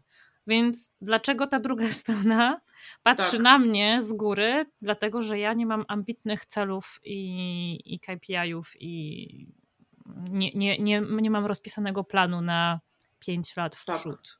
No, powiem Ci szczerze, że ja jestem, co jest dziwne generalnie, bo powinnam mieć plan jakby na swoje życie, ale powiem szczerze, że, że ja go nie mam. Hmm. Jakby nie mam go, bo powiem ci, że nie wiem, co chcę robić za, za na przykład 5 lat, tak? Jakby staram się jakby planować krótkoterminowo, bo jakby z założenia, no z założenia, z praktyki właściwie wiem, że jakby planowanie e, mm, długoterminowe się nie sprawdza. I to mogę powiedzieć akurat w przypadku choroby mojej mamy, tak, że mhm. no, rak jest tak nieprzewidywalną chorobą, że nie jesteś w stanie nic zaplanować. Nie jesteś tak. w stanie, nie wiesz, co się będzie działo za chwilę. Jakby to dla mnie też była mocna nauka życia mhm. po części, znaczy w dużej mierze to była dla mnie nauka życia, że y, trzeba się cieszyć z tego, co się ma, bo życie mhm. ma się tylko jedno i tak naprawdę pieniądze i pęd do dążenia y, do nie wiadomo czego nie jest istotny, bo zdrowie masz tylko jedno i życie masz tylko jedno. Y, I powiedzmy, że to był akurat gdzieś tam po części był ten moment, w którym do mnie to zaczęło docierać, że, że czy ja chcę wymagać więcej? O, może mhm. tak. Czy, czy ja, y, nie wiem, chcę pisać, y, nie wiem, prace naukowe, czy nie wiadomo co, tak, że czy ja tego tak naprawdę chcę, bo to jest takie siedzisz i się zastanawiasz, w których butach jest ci najwygodniej tak naprawdę, mhm. nie? I to też jest po części, znaczy po części chyba w dużej mierze wynik obydwu diagnoz. Mhm. Że y, chyba w końcu jakby mam mm, mam taką, znaczy mam, mam, mam chyba świadomość w pełni swojego życia. Chociaż wiem, że jest mi ciężko w wielu aspektach, bo, bo nie powiem, że nie, ale y, jakby tą część, tą w sensie, że bycia, wiesz, przeciętną osobą, że, mhm. że może, że może mm, warto nad tym przysiąść dłużej, po prostu się zastanowić, y, czy to może, może nie być celem życia, ale wiesz. Mm, y, a czemu nie? A, a czemu nie? Czemu właśnie, nie? a czemu Wiesz, nie? Ja ci to powiem, chciałam e, powiedzieć. No. Zdradzę, zdradzę ci e, największe marzenie mojego męża. To jest jego cel życiowy. Jego celem życiowym jest możliwość chillowania. On powiedział: Ja chcę być chill w życiu. To jest mhm. moje. To, to, to, będzie moje największe osiągnięcie. Kiedy ja dojdę do takiego momentu, kiedy będę mógł powiedzieć, że I'm chill. No. I powiem ci, że jak on to mówi ludziom, to często wzbudza śmiech i takie, wiesz, zażenowanie, bo myślą sobie ludzie, o Boże, znowu co za typ bez ambicji, nie? Myślą, że to jest żart, no. Często albo, albo myślą sobie, że coś jest nie tak. A ja uważam, że to jest piękny cel. Że to właśnie kurczę, że to jest ogromna odwaga móc powiedzieć, że ja po prostu chcę w życiu chillować. No, ja powiem ci, że jak myślę, jakby widzę swoją przyszłość gdzieś tam kiedyś, to ja powiem ci szczerze, że widzę ogród, widzę pomidory, widzę mhm. jakąś tam grządkę z czymś tam i wiesz, bez, bez żadnego, jakby wiesz, nie widzę hałasu, nie widzę miasta, tylko po prostu widzę taki kawałek po prostu swojej ziemi, gdzie mogę sobie, wiesz, grzebać tam, kurczę, nic innego mnie nie interesuje i mam super życie i cieszę się na przykład z tego, że, nie wiem, wyrosły mi truskawki, tak?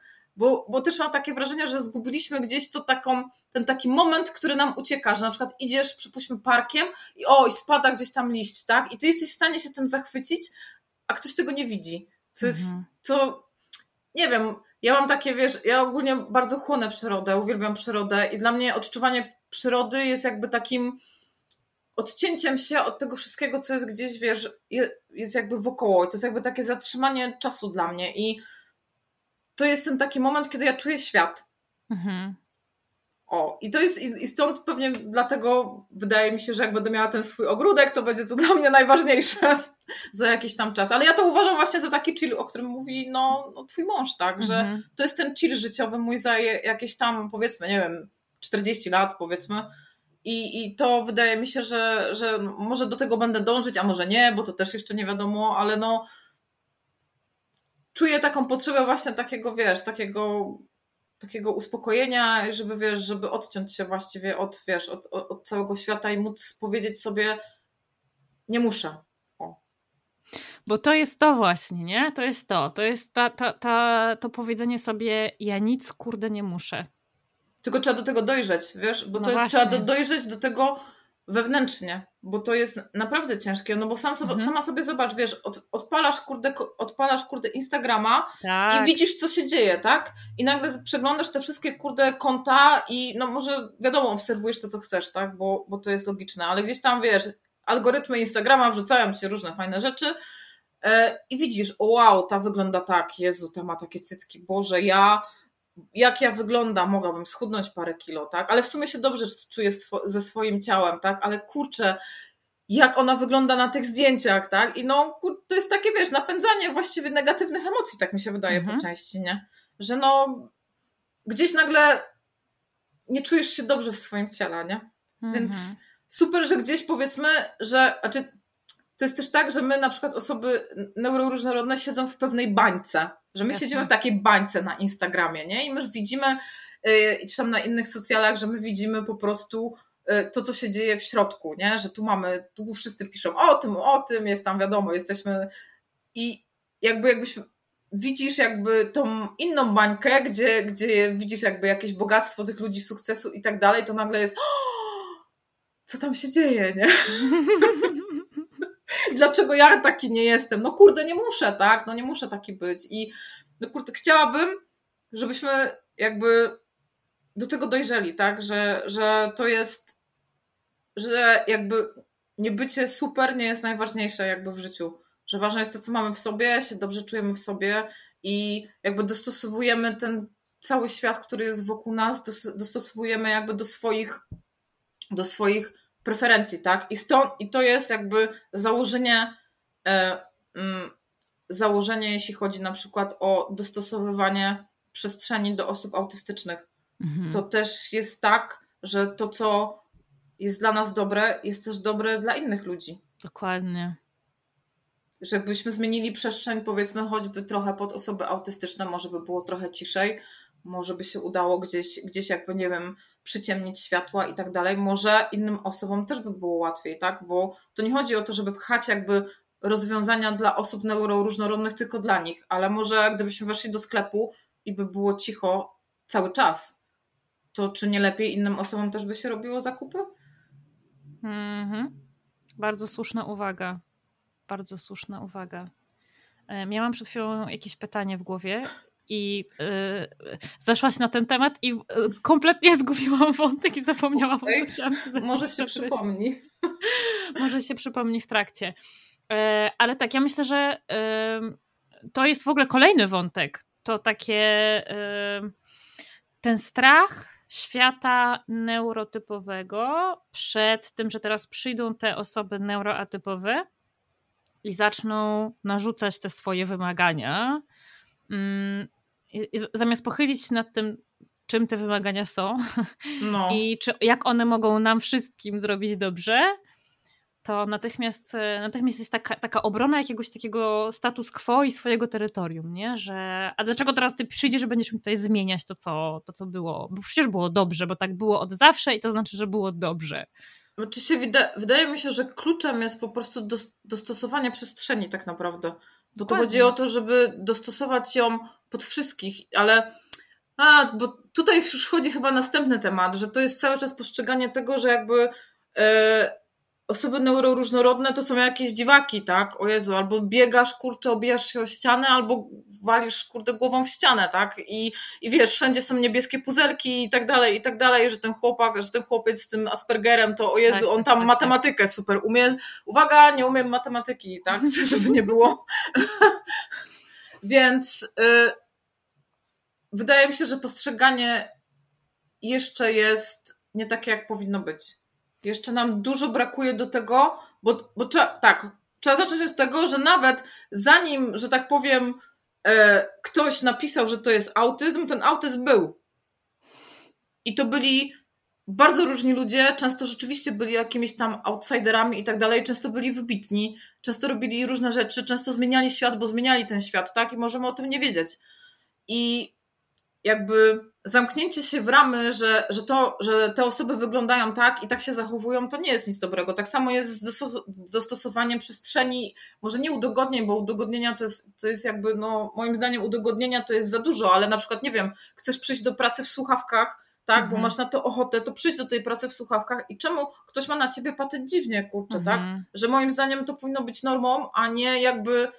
Mm, nie jakby tworzeniem dodatkowej przestrzeni, tak? Bo, bo po co? Komu tak, to tak. przeszkadza, tak. tak? Tak samo, no, to. Mm, tak samo to trochę wygląda jak, jak z tatuażami. O Jezu, pani prezes nie może mieć tatuaży, tak? No, no kurde, może mieć, tak? A czemu by miała nie mieć, nie? To dlaczego ktoś nie może nosić słuchawek, skoro o to chodzi?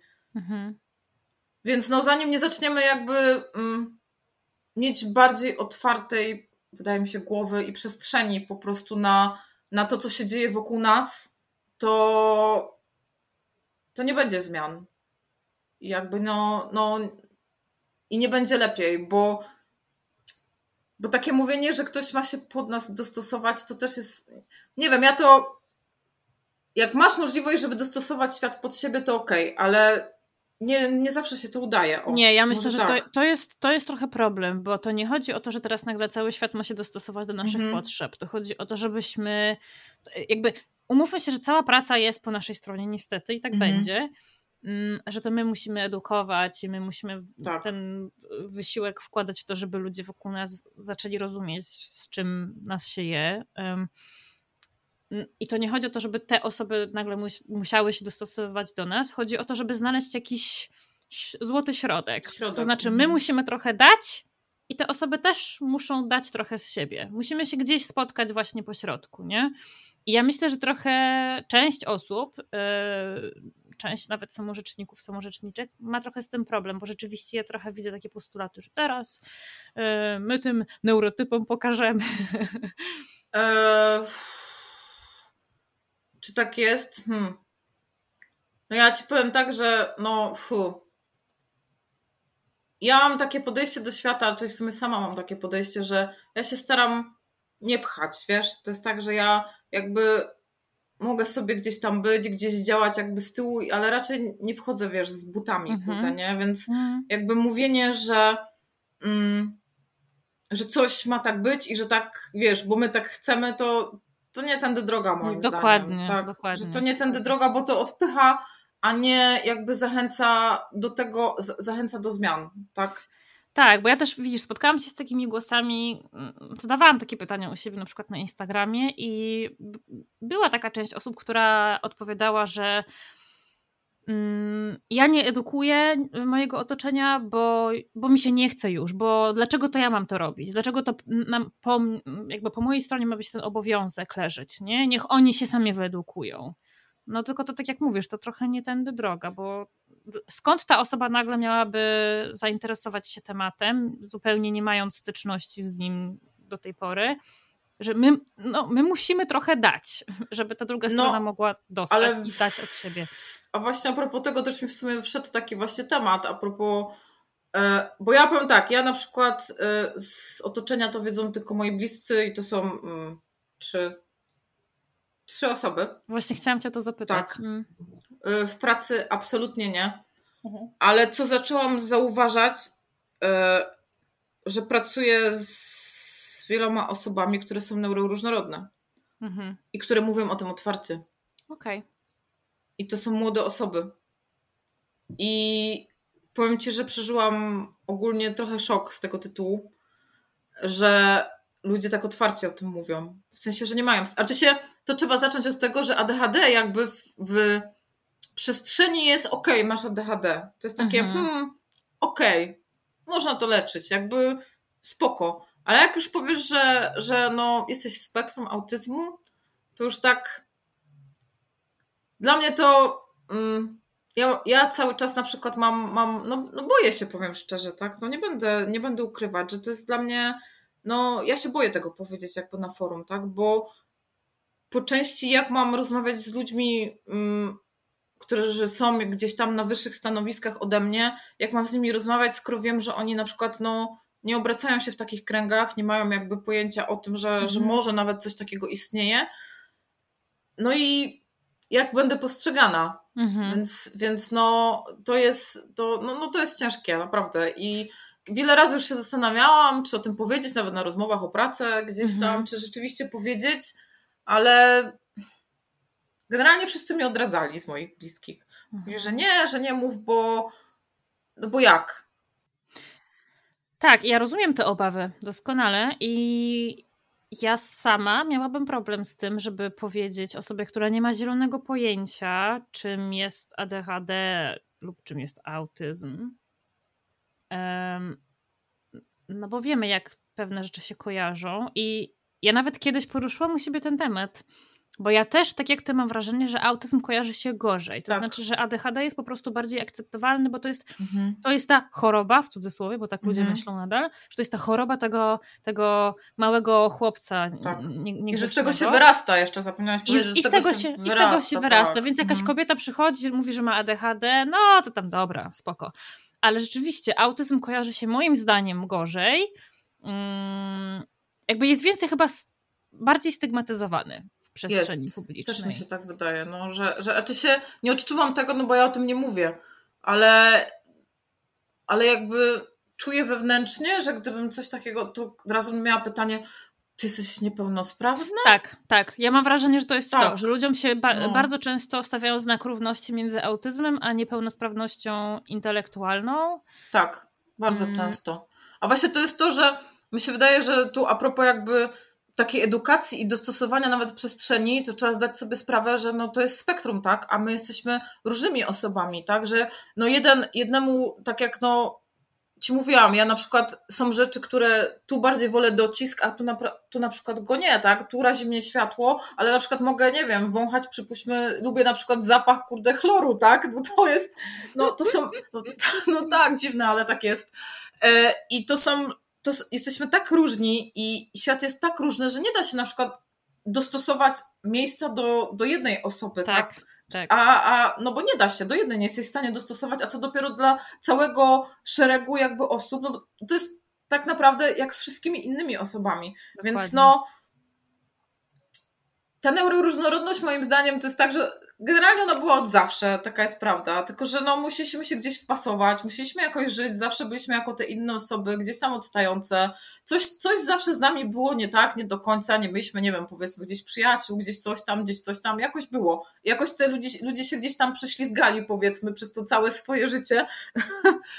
I teraz nagle się zaczyna robić głośno, to jest wielki szał, tak? O Jezu, jak to zrobić? I teraz y, na przykład mm, dostosowanie właśnie w biurach, tak? Rozmawiałyśmy też o tym przed właśnie nagrywaniem, tak, że tak. jest masa programów o tym, jak dostosować przestrzeń w biurach. Halo, nie wszystkie autystyczne osoby, nie wszystkie z ADHD pracują w biurach, bo pracujemy jako lekarze, pracujemy jako pielęgniarki, pracujemy jako y, pani na kasie, tak? Pracujemy jako pan, kurde, magazynier, y, pracujemy jako sprzątające. Tak. Jest nas tyle, że dlaczego, kurde, mamy dostosowywać przestrzeń tylko w biurach? I dlaczego mówimy tylko o tym, żeby dostosować przestrzeń w biurach? No nie, tak naprawdę cały świat byśmy musieli dostosować, tak? Niektóre osoby nawet nie wiedzą, że, że są neuroróżnorodne, tak? Dokładnie. I jakoś tam żyją i próbują się jakoś do tego dostosować, więc no fajnie by było, gdybyśmy gdzieś, gdybyśmy spróbowali to unormalnić. O, Mhm. może tak. Tak mi się wydaje, że unormalnie, że powiedzieć halo jesteśmy, ale żeby to wszystko przyszło bardziej płynnie, a nie, że wow, robimy program, w biurze jest tak, o słuchaj, możesz nosić słuchawki, masz miejsce zamknięte, czujesz się w nim dobrze, masz super siedzenie, tak, dla osób, kurde, z ADHD, możesz sobie pływać, co tam lubisz robić. No nie, Robota zrobiona, czek na liście. tak, no ktoś cię tam pcha, słuchaj, masz termin, halo, masz deadline, musisz to napisać. No nie, no nie o to chodzi moim zdaniem i powinniśmy naprawdę... Kiedyś właśnie widziałam taki piękny obrazek, jeśli chodzi o właśnie o autyzm, że e, było napisane, że jesteśmy wśród nas, jesteśmy wśród was. I było naprawdę, akurat było, jeśli chodzi o pracę, i też było bardzo dużo zawodów właśnie tam pokazanych, obrazki tam różnych osób, tak, że właśnie ktoś Mhm. sprząta i tak dalej, że ktoś jest lekarzem, tak, i tak dalej. Więc no, fajnie by było, gdybyśmy się po prostu nie zamykali w jedne ramy, tak, że dostosujmy przestrzeń, ale tylko w biurze. Mhm. O. I, tylko, I tylko do mnie. I tylko, no, i tylko do mnie, tak? No bo nie o to chodzi, nie? Znaczy, ja mam zawsze takie poczucie, że osoby właśnie z neuroróżnorodne gdzieś pchają ten świat do przodu. Nie wiem, może to trochę idealistyczne, a może rzeczywiście tak jest, że my gdzieś pchamy i chcemy tej zmiany cały czas, bo, bo tak, ja tak czuję wewnętrznie, że zawsze bym chciała gdzieś tam coś zmienić i bym chciała, żeby było lepiej i pomóc tym ludziom i no, mnóstwo jest tych rzeczy, które bym chciała robić, a które oczywiście nie wychodzą jak to ADHD, bo często tak jest. Zaczynasz, nie kończysz, Zaczynasz, nie kończysz, tak? I zapomniałam o czym mówię oczywiście. Pchamy świat do przodu. Aha, no że, że, że tak, że jesteśmy, że, że gdzieś tam napędzamy ten świat, że tak jest. No i zapomniałam oczywiście znowu i pewnie to będzie koniec tego wątku, bo no, Ale ja ci powiem, że ja mam, ja mam trochę po, podobne wrażenie, chociaż oczywiście jestem, jestem nieobiektywna, bo jestem, jestem z naszego własnego ogródka. tak. Ale, mhm. ale też mi się tak wydaje, bo mm, no, no bo my jednak, takie, te osoby, które, które są świadome tej swojej Mhm. neuroodmienności, które są świadome tego, z czym to się wiąże, mm, często mają trochę bardziej otwarte głowy, bo po prostu Tak. musiały dojść do tego momentu, żeby te głowy Tak. otworzyć. Ja też wcale nie byłam taka, taka mądra parę lat temu, nie? E, I mi, się, mi też autyzm kojarzył, z, mi też się kojarzył z niepełnosprawnym chłopcem. Ja nawet nie wiedziałam, co to jest. Znaczy, wiedziałam, co to jest autyzm, ale powiem Ci szczerze, że jak przeczytałam właśnie w tej książce zespołu Aspergera, no mówię, kurde, cały czas, co to jest w ogóle, nie? I dopiero później zaczęłam czytać się w to, wiesz, zagłębiać, nie? Bo, bo jeśli słyszysz samą nazwę, no to tak jest, nie? Że kojarzysz Tak. właśnie po tym, co widzisz w filmie, nie? Wiesz, Rayman, nie? Chociaż teraz mamy to Tak. Wednesday, nie? Tak, oczywiście. Ale wiesz co, ja teraz, teraz przypomniałam sobie, yy, jak ja zaczęłam u siebie podejrzewać ADHD mm, i opowiedziałam o tym mojemu e, bliskiemu koledze, a on, jem- jemu się kompletnie pomieszało ADHD z autyzmem. Mhm. I on myślał, że ja mu mówię, że jestem autystyczna. I ja pamiętam swoją reakcję. Moja Mhm. reakcja była taka, nie, nie, nie, absolutnie. Tak jakby autyzm był czymś Mhm. złym, czymś gorszym, Mhm. jakby ADHD było taką akceptowalną diagnozą, Mhm. że spoko, ADHD mogę mieć, ale autyzm to już nie. E, więc widzisz, ja, Mhm. to mówimy o kwestii Mhm. tam, wiesz, e, e, powiedzmy półtora roku, dwóch lat, nie? Taka była moja pierwsza reakcja, więc ja taką drogę przeszłam w takim krótkim czasie, więc dajmy też czas światu na to, żeby się wyedukował i zrozumiał, bo my też musieliśmy, musiałyśmy tę drogę przejść w swoim własnym rytmie. No, ale właśnie teraz tak mi się przypomniało, jak o tym mówiłaś, że ty mówiłaś, że nie, nie, nie, a ja, ja jak na przykład dotarłam do tego momentu właśnie przed, przed właśnie zdiagnozowaniem się w ogóle, że to może być to, to nagle ze mnie spłynęło właściwie wszystko. To była taka odpowiedź na wszystkie możliwe pytania i nie Mhm. interesowało mnie to, że to jest, wiesz, że to jest autyzm. Dla mnie to by mogło być najgorsza rzecz na świecie, powiem ci szczerze, ale jeśli znajdujesz rzecz, która mówi o tobie i ty w końcu, kurde, wiesz kim jesteś, tak? Wiesz Mhm. dlaczego, bo, bo, to, bo, bo to było pytanie przez całe życie, kim ty jesteś?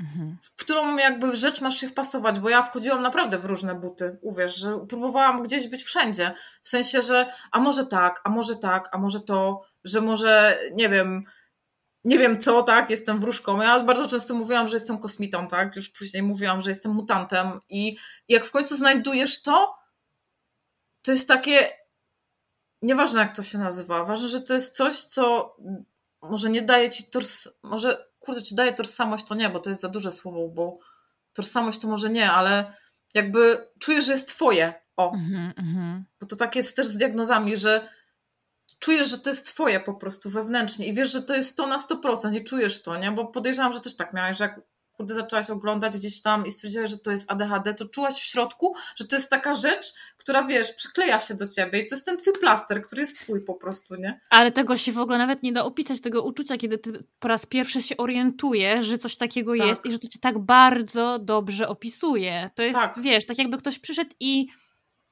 i narysował twój portret, nigdy cię nie widząc, nigdy, nigdy tak. nawet nie patrząc na ciebie przez sekundę, ktoś narysował twój portret i ci go pokazuje. Myślisz sobie, jak to jest w ogóle możliwe, nie? Tak, i to jest najlepsze, że jak spotykam na przykład, albo zdarza mi się rozmawiać gdzieś tam z jakimiś osobami, też neuroróżnorodnymi, to mówię, jak to jest możliwe, że ty jesteś tak podobna do mnie, mm -hmm. że masz takie same rzeczy. To jest aż, to jest po prostu niemożliwością, że znajdujesz po prostu osobę, która mogłaby być twoim bliźniakiem po prostu gdzieś tam w mm -hmm. odległym świecie, tak? Albo no naprawdę, ja byłam mocno zszokowana, gdzieś powiedzmy, że w jakimś tam momencie miałam sporo kontaktów jakby z dziewczynami tam z grupy i po prostu otwierałam szeroko oczy, bo jak to jest możliwe, że ty masz tak samo jak ja.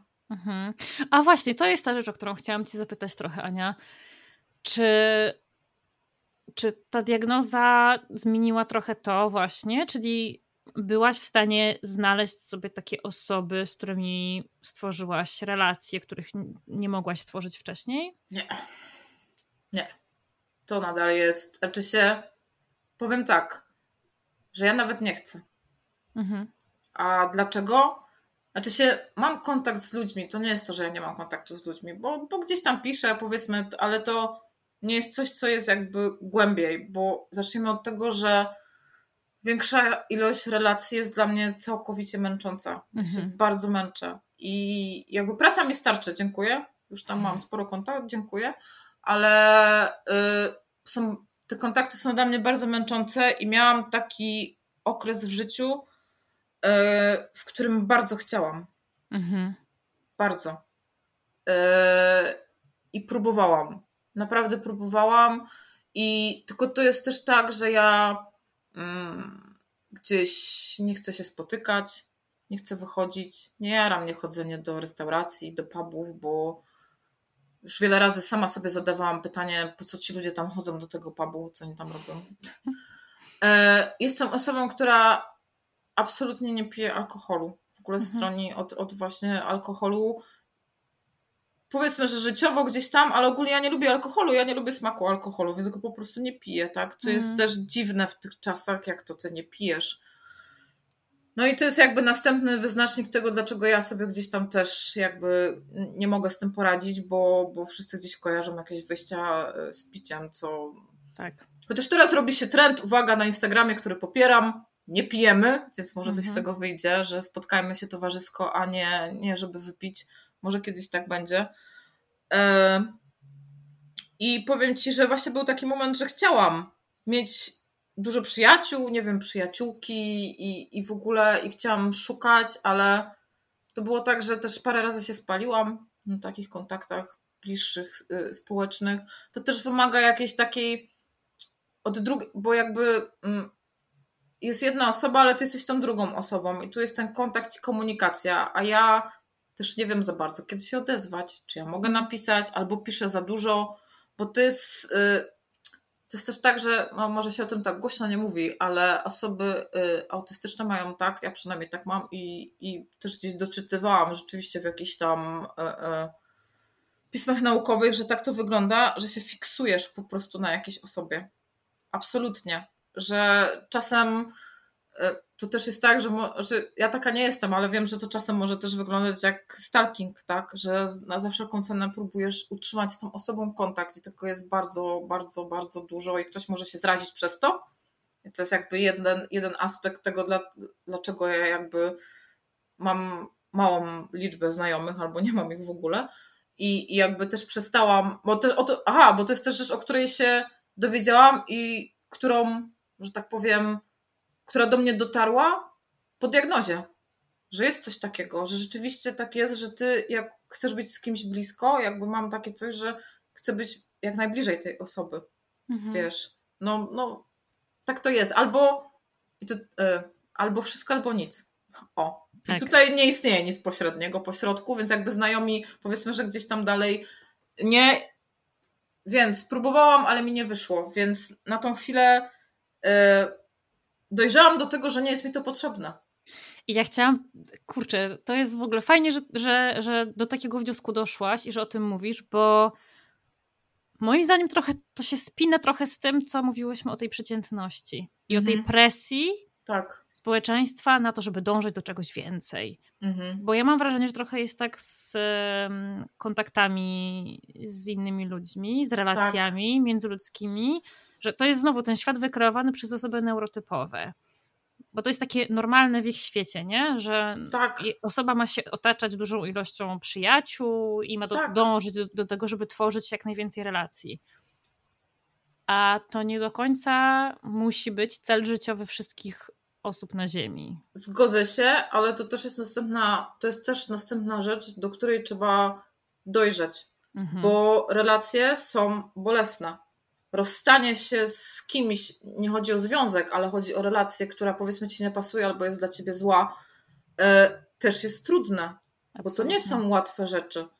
A jakby, jakby ten mój problem, który ja mam z relacjami, po prostu e, to jest tak, że ja też nie lubię, jak jest czegoś za dużo. Mhm. Że jest z, z, jakby za dużo ludzi, za dużo się dzieje i, i ja tego nie ogarniam.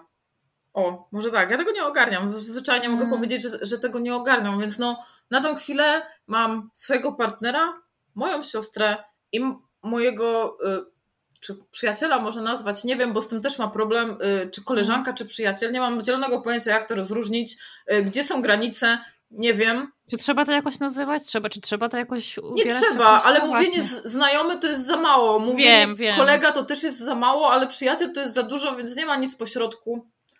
Więc uznajmy, że się znamy bardzo długo, może tak.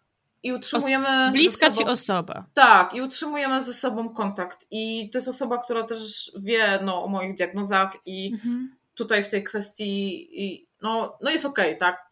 I to są tylko trzy osoby w moim życiu. Ja więcej ich nie potrzebuję, bo ja też jakby nie czuję potrzeby, żeby wychodzić gdzieś do ludzi, wolę siedzieć w domu na przykład, tak? Jak mhm. wychodzę, to wolę wyjść w plener, gdzie nie ma tych ludzi. Ja na przykład mm, jak myślę, że mam gdzieś wyjść, gdzie, gdzie jest dużo ludzi, to ja od razu odpuszczam, bo ja się czuję, na, na samą myśl czuję się niekomfortowo. Mm -hmm, na przykład jazda tramwajem jest dla mnie, kurde, może jazda tramwajem jest dla mnie ciężkim przeżyciem, tak? Bo ja jadę nim, ale jak jest dużo ludzi i jeszcze kurde dzieciaki krzyczą w tym tramwaju, czy tam coś tam, no wiadomo, możesz założyć słuchawki, ale nadal są ludzie, tak? Po prostu tak. stoisz i czujesz się jak wyobcowany i po prostu starasz się skupić na tym, co masz w uszach, kurde, żeby tylko, wiesz, nie, wiesz, nie wysiąść z tego tramwaju po mm -hmm. prostu, tak? Bo, mm -hmm. no bo tak, no mam problem z kontentami społecznymi, żeby się w ogóle poruszać, może poruszać się może po, po mieście też, w sumie nie powiem, że nie, bo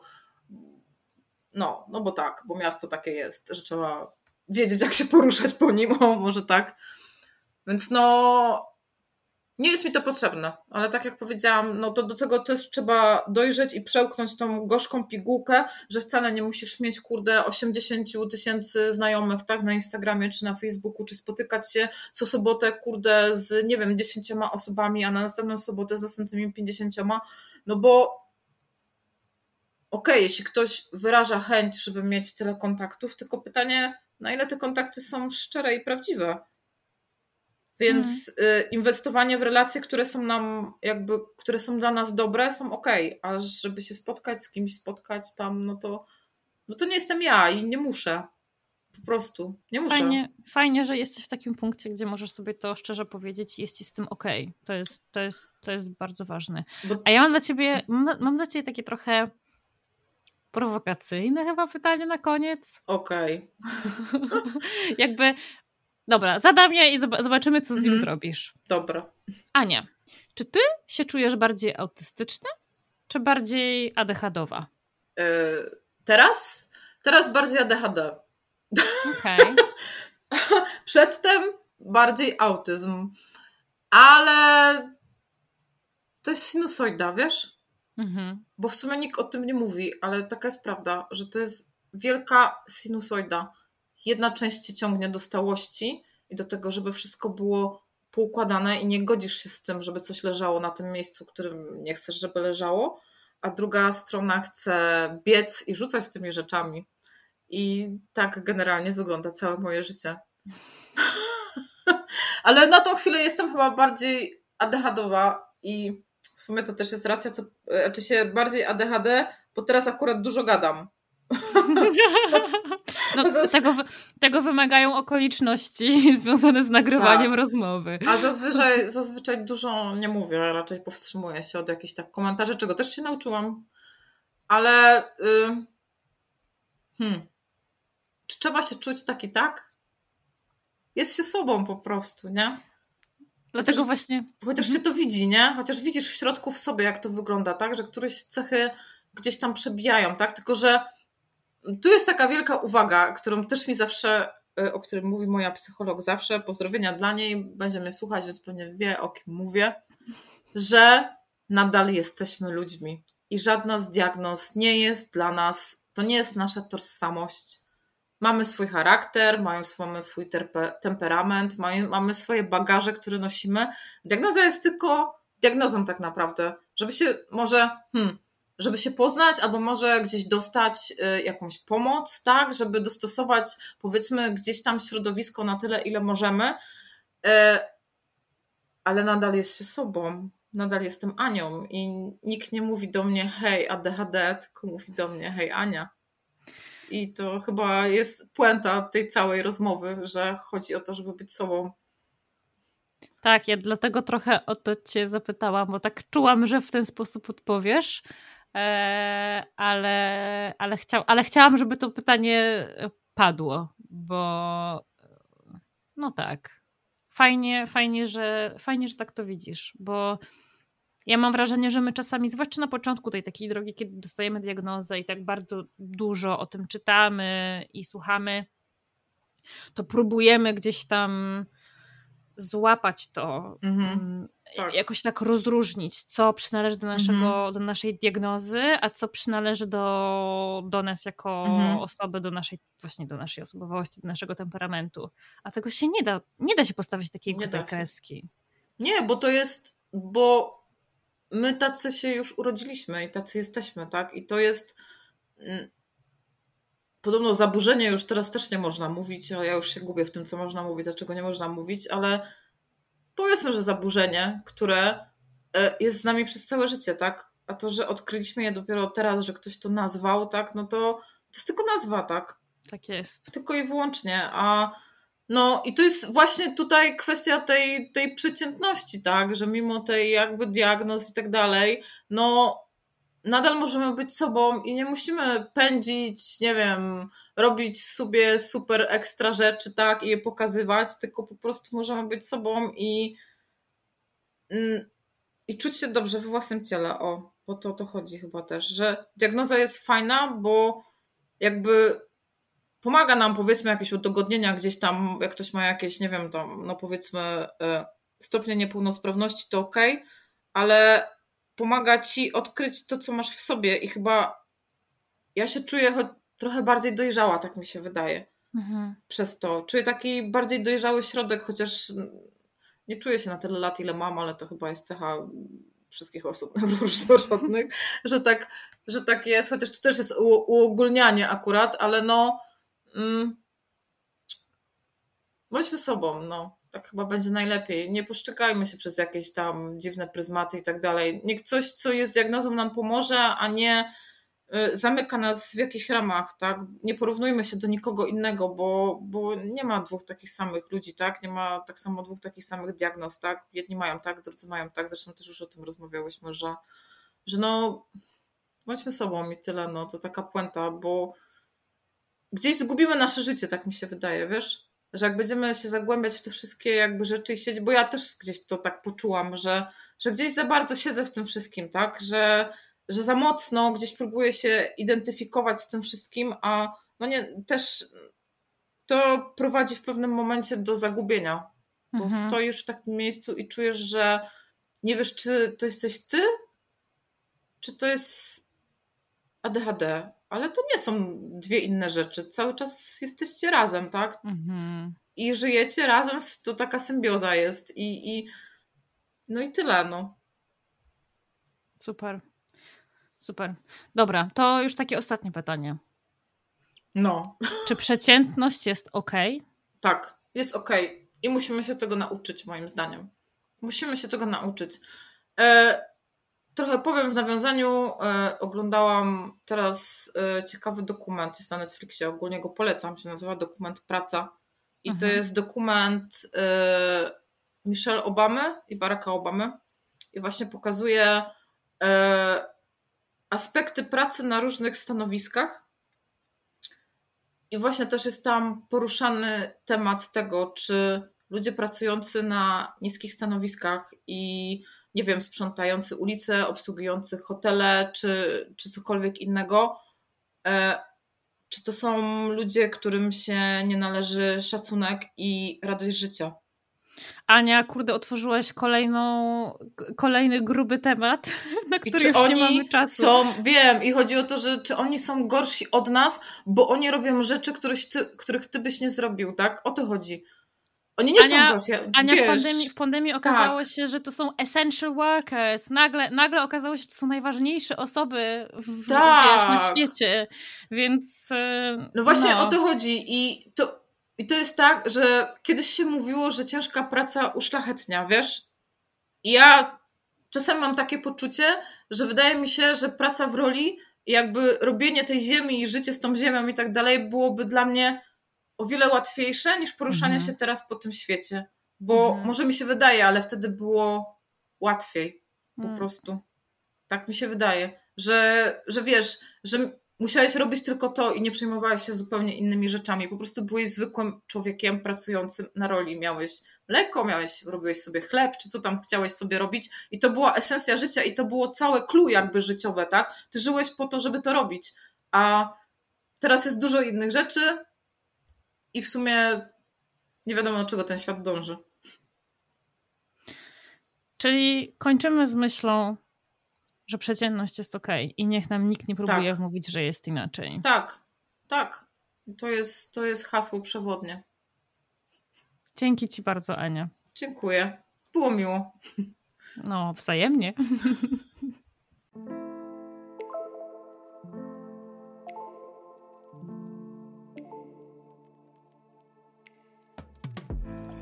Wielkie dzięki za wysłuchanie tego odcinka. I oczywiście Spotify, YouTube czy TikTok nie powinny być wyznacznikami diagnozy. Ale jeśli to, o czym tutaj rozmawiałyśmy, brzmi dla ciebie podejrzanie znajomo, to mam nadzieję, że zaopiekujesz się sobą i wykonasz pierwszy krok w kierunku pójścia po pomoc, bo każda z nas na to zasługuje. Do usłyszenia w kolejnym odcinku.